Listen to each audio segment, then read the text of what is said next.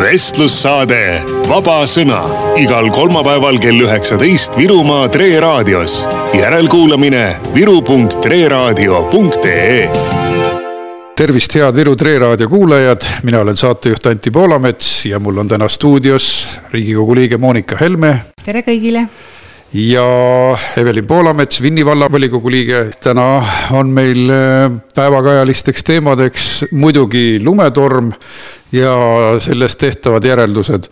ja siis lisaks on meil väga huvitav uudis, mis puudutas Danske panga rahapesu ja mis kõik selle ümber keerleb. ja muidugi on EKRE-le ette näidata üks muljetavaldav töövõit. Nimelt eh, sotsiaalkomisjonis võtsid eh, valitsuserakonnad tagasi laste vaktsineerimist, siis ilma vanemate loata vaktsineerimist puudutava sätte. ja neid teemasid me kohe käsitlemegi. hea Monika, sina oled ju meil Saaremaa lääne ringkonnaga kandidaat nendel valimistel. et räägi natukene inimeste muljeid koha pealt, et kuidas neile siis lumetormi manageerimine, juhtimine, elektri taastamine on mulje jätnud, et kas mhm. on tavapärane, lumeporm on tegelikult tavaline sellisel ajal, aga kas ka reageerimine on olnud tavapärane? Ja noh, ega kriisiks valmisolekuga on meil riigis äh, asjad on nagu on. Ja noh, ega siis ähm, see ei ole sugugi mitte juhus, et Saaremaal äh, selles tormis sai siis Saaremaa kõige rohkem, kõige rohkem pihta. Ja Saaremaa inimesed seal väga paljud majapidamised on siiamaani ilma elektrita. ja äh, ega siis see ei ole, see ei ole nagu juhuslik, et selles mõttes seal on oma väga kindlad põhjused, miks, miks see just Saaremaal niimoodi läks. sest ega lumetorm ei tabanud mitte ainult üksi Saaremaad, lumetorm tegelikult käis ju üle terve Eesti.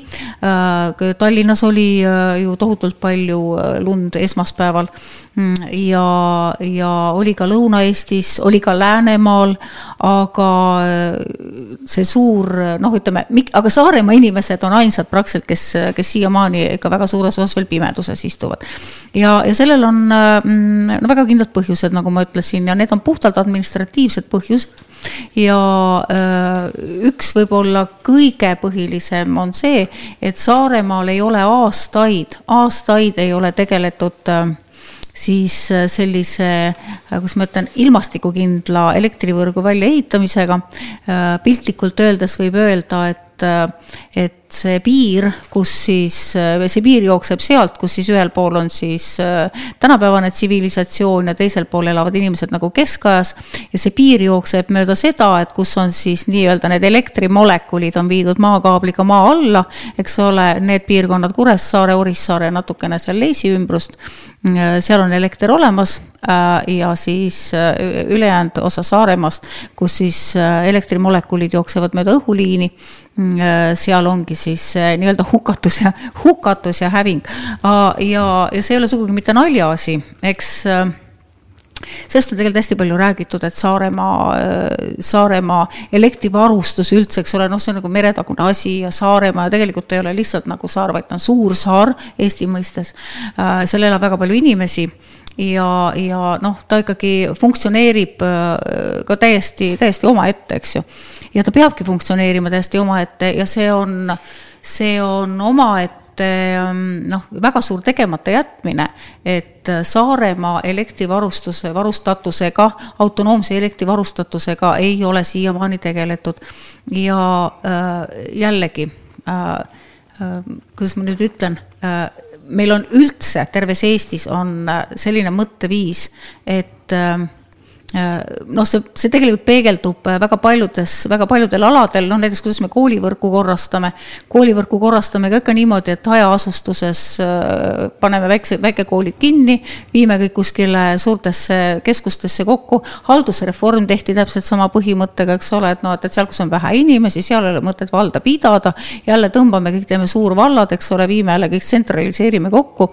ja, ja elektrivarustuse osas on täpselt samamoodi Elektrilevi selline mõtteviis on see, et hajaasustuses on väga kallis võrku üleval pidada ja ka ütleme, võrguarendusi teha, ker-, no kalli, hea, lihtne ja odav on teha neid seal, kus on rohkem tarbijaid.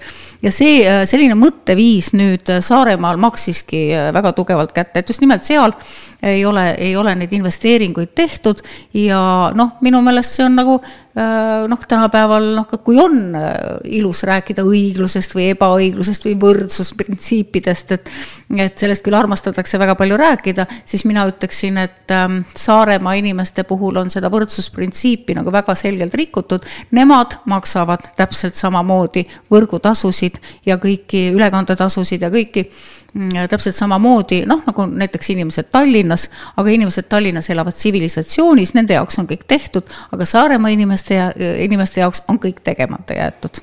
Evelin, kas see kriitika on õigustatud? väga õige ja mind häirib ka see, kuidas seda kriisi kajastatakse, et tegelikult meil on hetkel veel juba üle nädala peaaegu juba esimesed majapidamised jäid elektrita juba kolmapäeval ja et juba pea nädal ja öeldakse, et, et see lahendatakse nädala lõpuks, on meil kuni kakskümmend tuhat inimest ilma elektrita nii pikka aega. Ja tegelikult, kui teha praegust kas veel mingi mm, ajaleht aja see portaal lahti, me ei näegi, kuskil väikselt on kirjutatud, et mingi torm oli ja, ja seda, et seal inimesed on pimedas ja külmas. ja ilma veeta. nädal aega juba. nädalaid ilma veeta ja nagu ei olegi probleemi, mina näen, et seda püütakse pisendada, kinni mätsida.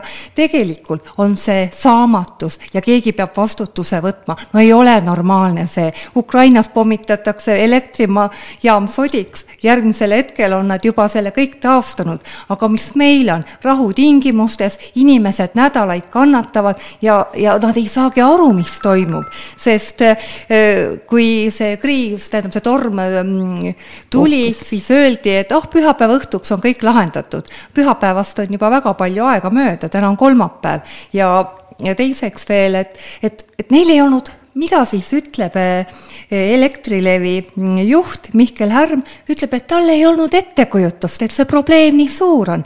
kui nüüd hommikutelevisioonis näitas äh, neid Eh, kohti, kus, kus see probleem oli, need elektriliinid, isoleerimata paljad juhtmed jooksid läbi paksu padriku, need puud ja, ja oksad olid sinna peale kaldunud lume all, et jäi tunne, et nad ei teadnudki, et neil seal mingid liinid jooksevad, selline täielik kobarkäkk vähe sellest, et nad ei suutnud seda kriisi manageerida, nad ei olnud nõus Päästeametilt ka abi vastu võtma mm.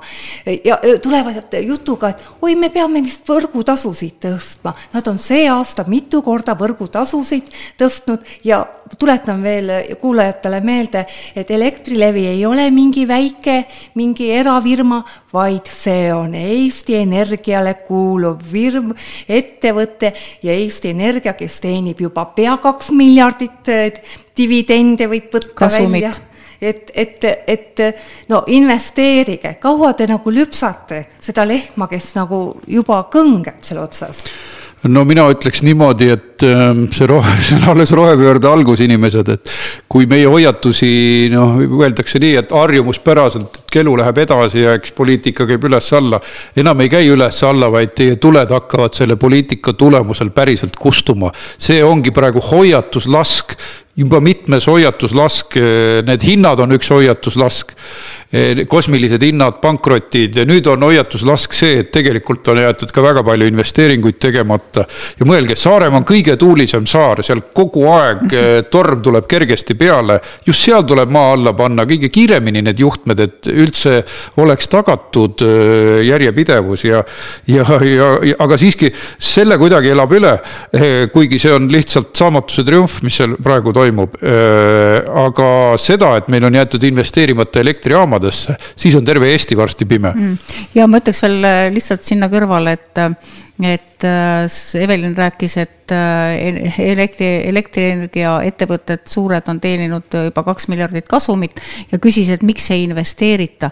jaa, investeeritakse küll, aga seda hoitaksegi praegu igal aastal nüüd aastani kaks tuhat kolmkümmend ongi ette nähtud äh, tarbijate käest kokku korjata umbes kaks miljardit eurot, et investeerida siis sellesse nii-öelda paralleelmaailma, sellesse mm, võrk, paralleelvõrku, tuulikutesse, päikese, ühesõnaga ühesõnaga kogu sellesse rohepöördesse, kogu sellesse rohepöörde hullusesse ja, ja sellesse põhivõrku, sellesse põhivõrku, mis praegu Saaremaal kokku kukkus, sellesse ei olegi nähtud mingeid investeeringuid ette teha, kahjuks. Aga ka veel nagu võrrelda, et meil on ju seal kõrval Läänemaa, seal hooldas pikka aega, kuni eelmise aastani, kahjuks ostis Elektrilevi need võrgud ära, oli Imatral oli jaa, noh, Imatra on tegelikult ütleme veel selline, mm, tema, tema järjepidevus on tegelikult veel, veel ühes teises firmas, see kuulus soomlastele, see oli Fortum, kes kunagi ostis siis noh, terved Läänemaa võrgud ära ja vot Fortum juba siis investeeris korralikult Läänemaa võrkudesse. aga praegu on ka ju näha, et et eh, võrrelda, et samad eh, tormitingimused, ilm, ilmastikutingimused olid ka ju Läänemaal, aga Läänemaal ei toimunud nii palju elektrikatkestusi, liinikatkestusi, vaid, vaid ja seal olla veel need abimeeskonnad või rikkemeeskonnad ka olemas või neid oli rohkem. jah, ma kinnitan, et see nii on, sest et ma ise olen ju kakskümmend viis aastat nüüd Läänemaal elanud ja, ja päriselt ka, ükskõik kui suured tormid, ükskõik kui suured tuuled meil on olnud, no teinekord jaa, äh, vool läheb korraks ära ja siis ta tuleb tagasi. Või kui ta läheb ära, no maksimum võib-olla mingi tund-paar on ära olnud. Ja tõesti, Fortumil oli väga hea hooldusmeeskond, äh, noh, Imatral. Mm, äh, ja noh, mul on nagu äärmiselt kurb meel, et et nad kogu selle infrastruktuuri nüüd maha müüsid, aga noh, selles mõttes jällegi see on päris, ma arvan, et see on päris korralikult üles ehitatud süsteem, et see päris, ähm, päris niimoodi ühe päevaga kokku ei kuku. ehk et Läänemaa inimestel on ikkagi mingisugune strateegiline tugevusvaru äh, siiski olemas. no praegu võivad inimesed ikka minna Sotsiaalministeeriumi kodulehele ja lugeda siis seda lõiku, mida siis äh, ministeerium plaanis Eh, saata siis kooskõlastamisele, noh, see on nii uskumatu, et ma pean selle teile ette lugema, et uue sõnastuse kohaselt võib kooliõde ka hinnata õpilase kaalutlusvõimet ja vaktsineerida õpilast, kui õpilane seda soovib. aga seaduslik eh, esindaja seda ei toeta, et luuakse nagu uus olukord, kus korraga ma ei tea, kes siis vastutab, aga sa rääkisid ka, et, et noh, et töövõit, et seda nüüd ei võeta arutluse alla, Monika vist oskab selle kohta paremini rääkida, et, et komisjon otsustas siis selle tagasi lükata. jaa, et komisjonis äh, läbi, läbi noh, päris, päris suure võitluse ikkagi Anti ütles väga õieti, et, et noh, siis ministeeriumi äh, kivinäod, ministeeriumi kivinäod siis urisedes taganesid ja ütlesid, et teie töövõit. Äh, et jaa, et praegu see, ähm, see määruse, see variant, kus see määrus oli lisatud, eks ole, et see siis võeti tagasi ja äh, aga ikkagi äh, noh, mis ma tahan inimestele äh, hoiatuseks nagu öelda, et noh, ilmselgelt mina küll seal sotsiaalkomisjonis ei ole, aga noh, ma olen siin ühes teises Riigikogu komisjonis ja ma tean väga hästi seda ametnike sellist, no kuidas ma ütlen, sellist kehakeelt juba, et noh kui ongi mingisugune asi, me võitlesime ju kevadel selle meediateenuste seadusest vihakõne välja ja oi, me võitlesime ka, ikka pikalt võitlesime ja see noh, see selline äh, ametnike kivinägusus ja see kehakeel, eks ole, kui nad äh, noh, peavadki taganema või milleski nagu äh, järgi andma, siis noh, nende hoiakust on igalt poolt näha, et no oodake, oodake, küll me selle ükskord ikka ära teeme, eks ole, et okei okay,, praegu saite, mis te saite, aga noh, ega me ei jäta. ka selle asjaga tegelikult on samamoodi ja, ja noh, mind nagu mõnes mõttes äh, häm-, paneb nagu natukene hämmelduma, et noh, et, et miks seda vaja on, et mina, mina isiklikult ei saa aru äh, üldse, miks seda vaja on, selles mõttes, et noh, meil on, meil on tegelikult äh, see immuniseerimisseadus on olemas, kus on, kus on kõik väga ilusti noh, ära sätestatud ja siiamaani on see väga hästi toiminud. ma saan aru, Covidiga läks, läksid asjad käest ära. Ja nüüd me oleme olukorras, kus meil on, ma ei tea, järgmiseks aastaks on kolmkümmend neli koma kaks miljonit eurot. kogu selle vaktsineerimise ja kogu selle asja peale on, on siis riigieelarvesse sisse kirjutatud. me küsisime ka täna, meil oli infotund, küsisime minister Petersoni käest, et kas riigil tõesti enam kusagile mujale raha panna ei ole, kui nendesse läbikukkunud vaktsiinidesse ja sellesse, et neid peab nüüd hakkama kohustuslikus korras noh, lastele eks ole, läbi mingisuguse määruse lastele sisse süstima. et, et noh, et, et see ei ole nüüd küll, küll see, see, kuidas nagu üks riik peaks toimima. üks põhjus ilmselt on ka tulevad valimised, et nad on siiski päris mures, et äh, elanike hulgas on päris suur vastasseis sellistele sundvaktsineerimistele ja nüüd vanemate ehmatus, et äh, lapsed koolis rabatakse mm -hmm. kooliõe ruumi ja öeldakse, et küll sa oled küps ja teeme süsti ära, et see ehmatas eriti. ja ma märgin ära, et nad ei jätnud kodanikud ei jätnud sugugi meeleavaldust ära, et homme kell üheksa nelikümmend viis on Stenbocki maja ees. sellel samal teemal meeleavaldus, et ikkagi hoida veel kord punast äh, tuld üleval sellele asjale. mina ei ütle muud kui väga tublid inimesed, sest et äh, kui me selle määrusega ikkagi äh, noh, ole, ole, kui see oleks nagu saanud teoks või see oleks nagu läbi läinud, siis ähm, noh, piltlikult öeldes oleks võinud tulevikus asjad minna nõnda, et vanemad isegi ei teagi, näiteks laps tuleb koju, küsib küsib vanem, küsib, et no mis te siis täna tegime. ei midagi, meil õpetaja ütles, et me lähme terve klassiga vaktsineerima, käisime ja vaktsineerisime, et mis seal ikka et.... aga homme tuleb veel mingi kolm süsti, mingit kolmikvaktsiini. ei, aga no mõelge nüüd selle peale, et äh, lapsel ei ole võib-olla meeleski sulle öelda, et teda täna vaktsineeriti ja, ja me teame ju, et vaktsiinidel on kõrvalmõjud Just. ja, ja seda ju tunnistab ka riik, selleks on isegi vaktsineerimishüvitise jaoks fond äh, loodud, et sa korraga vaatad, et näiteks su lapsel hakkab halb aga sa ei, sa ei, sa ei pruugigi teada, et see võib vaktsiinist olla ja ka siis laps ei suuda ka ju arvata, et, et teda, teda vaktsineeriti. ta ei teagi, mis see vaktsiin on. ja, et no ühel hetkel lapsevanemana tõesti, selles mõttes on sul õigus, eks ole, et, et noh, lapsel hakkab halb, eks ole, pärast selgub, et tal on näiteks müo-, müokardiit, eks ole, mis on nende vaktsiinide, just Covid vaktsiinide väga-väga tihe kõrvalmõjust, eriti lastel. Mm, selgub, et saab müokardiidi diagnoosi ja siis on ups, kust see nüüd tuli, aa, sa käisid vaktsineerimas, oot, millal, kuidas see sai juhtuda? aga vot selle määruse järgi see saabki niimoodi juhtuda. ja kusjuures selle määrusel, noh, kui nüüd viia kaks asja kokku, selle määrusega veel pikendati Covid-19 tasuta vaktsiinide kättesaadavust Eestis elavate või ajutiselt viibivatele inimestele kahe tuhande kahekümne kolmanda aasta lõpuni. ehk siis jääb mulje, et laod on seda vaktsiini täis, selle ongi, utiliseerimine ongi. on meeletult kallis, nüüd vaadatakse, et meil ei ole ka piisavalt äh, turiste või ajutiselt siin elanik, elajaid, et kellele see vaktsiin sisse süstida, aga voilà, meil on lapsed ju selline tunne. mul jääb ka selline tunne, et nüüd on vaja hakata ära äh, realiseerima seda, sest muidu ju saavad, saadakse teada, et meil on kümnete miljonite eest ära kasutamata kraami. ja, aga mina nagu mõtlen, et, ähm, et noh, me oleme ju küsinud korduvalt ja korduvalt, minu arust Kalle Grünthal on korduvalt küsinud, et noh, nagu nende lepingute sisu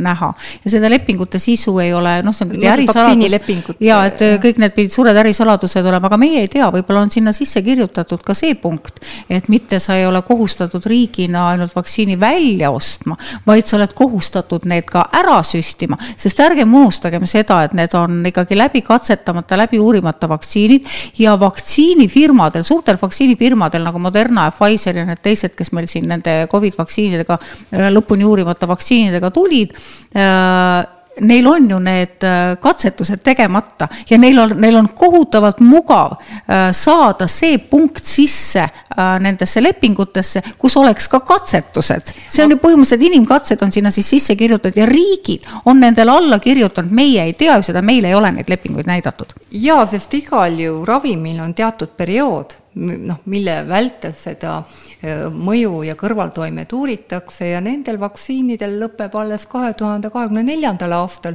see ravimi uuring, et meie lastele tahetakse süstida eksperimentaal no, ravimit, vaktsiinid on ravimite nimekirjas mm -hmm. ja, ja siis seda pärast analüüsitakse, aga kui tuua veel või meenutame ajaloost, et ei ole ju ammu aega see juhtum, kui oli seagripp ja, ja see kuulutati ka pandeemiaks. Ja, ja oli inimestele siis Eh, vaktsiinid, ka Eesti ostis suur, mitme miljoni eest eh, vaktsiine, mida pärast eh, ja ka alati vist kraanikaussi, et selle vaktsiini nimi oli Pandemrix ja selle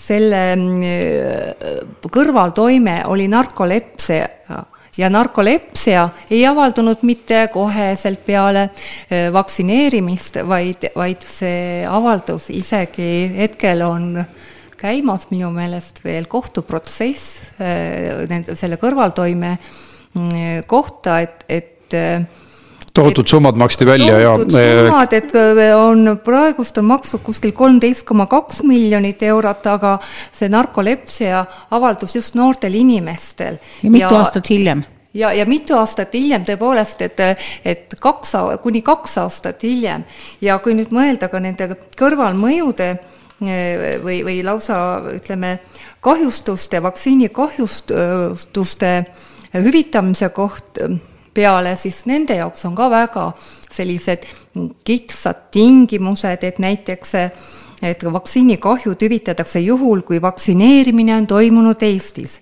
ja et vähemalt neli kuud kestnud raske tervisekahjustus või surm, et arst on tervisekahjustuse dokumenteerinud neljas siis tingimus on, et Ravimiameti hinnangul on tegemist vähemalt tõenäolise seose vaktsineerimise ja tekkinud tervisekahjustuse vahel, mis jälle omakorda näitab, et kuivõrd ütleme, kuivõrd vähe tahetakse selle vaktsiini kahjude hüvitamisega te tegeleda, et kujutage ette, nüüd arst jätab midagi dokumenteerimata ja sul jääbki hüvitis saamata, samas ega su kahjud ju ei kao ära mm. -hmm.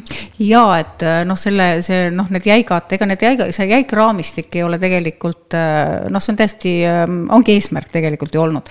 ja, ja noh, kui sinna on sisse kirjutatud see, et arst ei ole dokumenteerinud, vaktsineerinud või arst ei ole noh, mingisugust oma sellist ähm, noh, oma diagnoosist nagu seda ära märkinud, siis tuletame meelde, kui meil ähm, oli see suur vaktsineerimispropaganda käis, eks ole, perearstid, eks ole, kõik, kõik, kõik olid sinna, meil oli isegi, isegi üks perearst, eks ole, kes, mm, ähm, kes või oli see, või oli see üks, jaa, see oli üks arst, kes pärast sai isegi haiglajuhiks, eks ole, kes ütles, et kes ei vaktsineeri, need on mõrtsukad ja no ühesõnaga, see selline. no Karmen. Jollergi ütles, et lapsi tuleb vaktsineerida, kas tahavad vanemad või mitte. just, just, et noh, et neid, neid selliseid perearste, eks ole, see foon oli ju selline, et kas te kujutate ette, eks ole, et noh, et te tegitegi selle vaktsiini ära ja siis teil hakkasid, ma ei tea, kas liigesed valutama või ühesõnaga üks kõrv ei kuulnud, eks ole, ja silm ei näinud ja, ja mida kõike. ja siis te lähete arsti juurde, eks ole, kaebate oma mingit häda ja siis ääri-veeri nagu julgete arstile öelda, et äkki see oli vaktsiinis vaktsiinist, no mis te arvate, mis vastus, ei, ei, ei, ei, ei,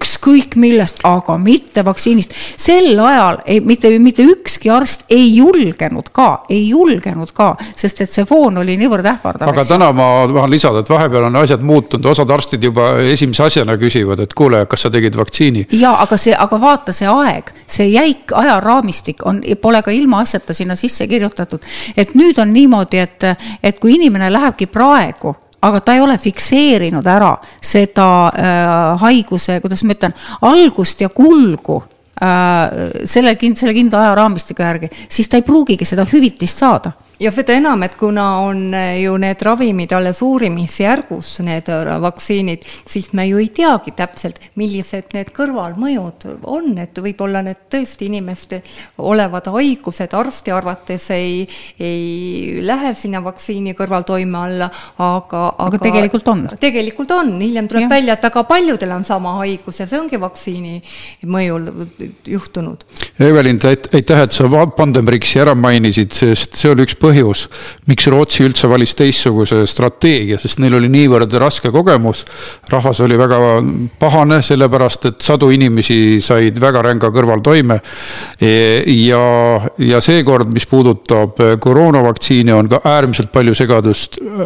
uskumatult palju kõrvalmõjusid on teavitatud ja, ja minu meelest ka maha vaikitud ja, ja me kuuleme neid hoopis teisi kanaleid pide kui kuskilt riigi või kuskilt peavoolumeediast.